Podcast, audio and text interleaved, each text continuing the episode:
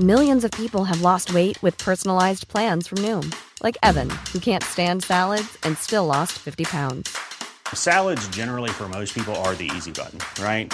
For me, that wasn't an option. I never really was a salad guy. That's just not who I am. But Noom worked for me. Get your personalized plan today at Noom.com. Real Noom user compensated to provide their story. In four weeks, the typical Noom user can expect to lose one to two pounds per week. Individual results may vary.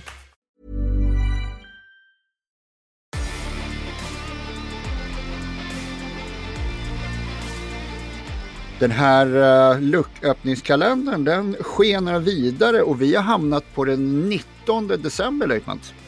Jajamensan. Vad trodde du om det här när lucköppningen började? Jag trodde att vi förr eller senare skulle hamna på den 19 december. är det sant? Absolut. Ja, nu har jag i alla fall hunnit köpa en hel del julklappar och känner att jag är i stort sett helt färdig med allt julstök egentligen. Fantastiskt. Ja, det är väl ungefär samma här. Det är små, mm. små detaljer. Ja. Har du hunnit käka en julmiddag då? Ja, lite grann ja. Mm. Samma jag, jag och ett par grannar har käkat lite. Ja, mm. egentligen är jag ju emot det, men eh, man får ju provsmaka lite julmat såklart. Då. Ja, men julmiddag som man käkar på jobb och liknande, det kan du väl inte vara emot före julafton? Nej, egentligen inte. Alltså man, det är svårt att göra det efter, det blir ännu mer skevt så att säga. Ja. Men julen börjar ju den 24 så att, ja men det är klart, julmiddag på jobbet måste ju ske innan så att säga. Och jag nämnde ju bland annat lilljul mm. mm. tidigare. Ja. Men du säger att julen börjar den 24. Det, folk tror att jul börjar ungefär för vid första advent. Ja, det är ju advent som börjar då. Ja. Eh, även denna dag så misstänker jag att du har en liten lucka med något spännande pysande i. Jajamän. Och då är det ju måndag den 19 december och i lucka nummer 19 så hittar vi en eh, folköl. Okej. Okay. Och eh, det är eh, Örebro Lager. Så det är en lager idag faktiskt, dagen till ära. Ja, men du brukar väl inte gilla lager? Jag gillar all öl, eh, men jag har ju en fäbless för ale. Ja, eh, och framförallt belgiska. Men idag har vi en lager, Örebro Brygghus, 3,5 procent.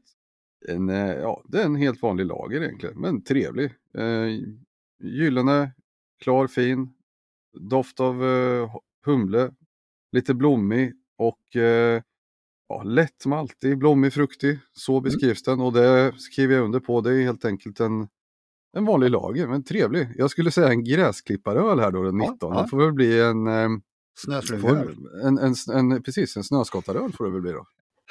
Ja, ja men det, det, det, det, det, det är rätt bra. Ja, nej jag har nog aldrig, aldrig vägrat eh, en öl. Nej, men eh, vägrat order då? Det har jag inte heller gjort. Inte vad jag vet. Nej. Finns det något gott i att vägra order eller är det bara negativt? Generellt sett negativt. Sen finns det ju självklart tillfällen då du, då du inte ska genomföra saker. Om det är till exempel ett krigsbrott eller något sånt. Ja, jag har faktiskt ett exempel på det. Mm. Jo, Stanislav Petrov. Han var den 26 september 1983 i en sån här missilbunker lite utanför Moskva. Och de hade en stående order på att om de fick indikation på att jänkarna skickade något så skulle de reflexmässigt skjuta tillbaka. Mm. Men eh, Petrov här, han och hans kamrater där, eh, kollegor, de tyckte att det här känns, det luktar konstigt, det här är inte, det är något fel. Så de sket i ordern att eh, skicka iväg de här uh, missilerna som de skulle skicka iväg. Och genom att bryta den här ordern så räddade de livet på över 100 miljoner människor. För att det här hade ju eskalerat åt båda håll då. För de får en falsk indikation på att de är anfallna och gör ett motanfall och då ser jänkarna att de anfaller och på deras sida så har de precis samma order. Precis, har det blivit världskrig. Ja, ett jäkla elände. Och det här har hänt en gång tidigare i historien och det var under eh, Kubakrisen.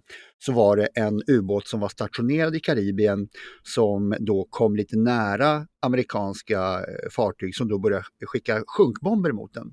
Och de hade också stående order att blir ni anfallna så och, och det har liksom utbryter krig, då ska ni skjuta på era förvalda mål. Men de tänkte mm. här att bara, nej men det här, han försöker bara få upp oss till ytan, varför de inte sköt sina kärnvapen. Så att Det har hänt fler gånger att sån här ordervägran har varit räddningen för i stort sett hela världen. Mm. Ja, Det blir också bra underlag till film. Jag vet jag inte exakt de här händelserna, men det är ofta med kodnycklar och någon kapten och någon sekond och någon vill skjuta och någon vill inte och det blir myteri på ubåtar och sådana saker. Mm. Där får vi hoppas att om nu ryssarna skulle få för sig att använda kärnvapen i modern tid så hoppas vi på att sånt här inträffar. Det hoppas vi. Att eh, Ja. någon ordervägrar, ja absolut. Ja, då är det dags att öppna lucka nummer två för dagen, alltså dagens datum i historien. Ja, precis. 19 december. Och då är vi tillbaks till 1941 när Adolf Hitler avskedar sin generalfältmarskalk Walter från Brauchitsch och tar själv över befälet över armén. Och Walter här, han hade varit med både vid Polenfälttåget, Frankrikefälttåget, inmarschen i Österrike 38, Tjeckoslovakien 38 och så vidare. Men han avskedades här i december 41 och det är bara att lyssna några dagar tillbaks på vad som hände på den fronten där utanför Moskva. För han hade sagt att en reträtt på östfronten hade varit nödvändig och det här ville ju Hitler alls inte höra. Så då tog han helt frankt bara och gav den här killen sparken och tog själv över befälet över armén. Mm. Den, den enkla vägen så att säga. Ja, verkligen. Sen har vi också en annan grej i andra världskriget den här dagen och det är Japan som påbörjar sitt anfall och sin eh, ockupation av Hongkong. Och den tar slut någonstans den 25 december då de lyckas ta hela Hongkong. Mm. Ja, och med det då så då gör vi som vi brukar. Vi knyter väl ihop en säck Vi knyter ihop en säck. och tackar för idag. inte före eh, julafton. Nej.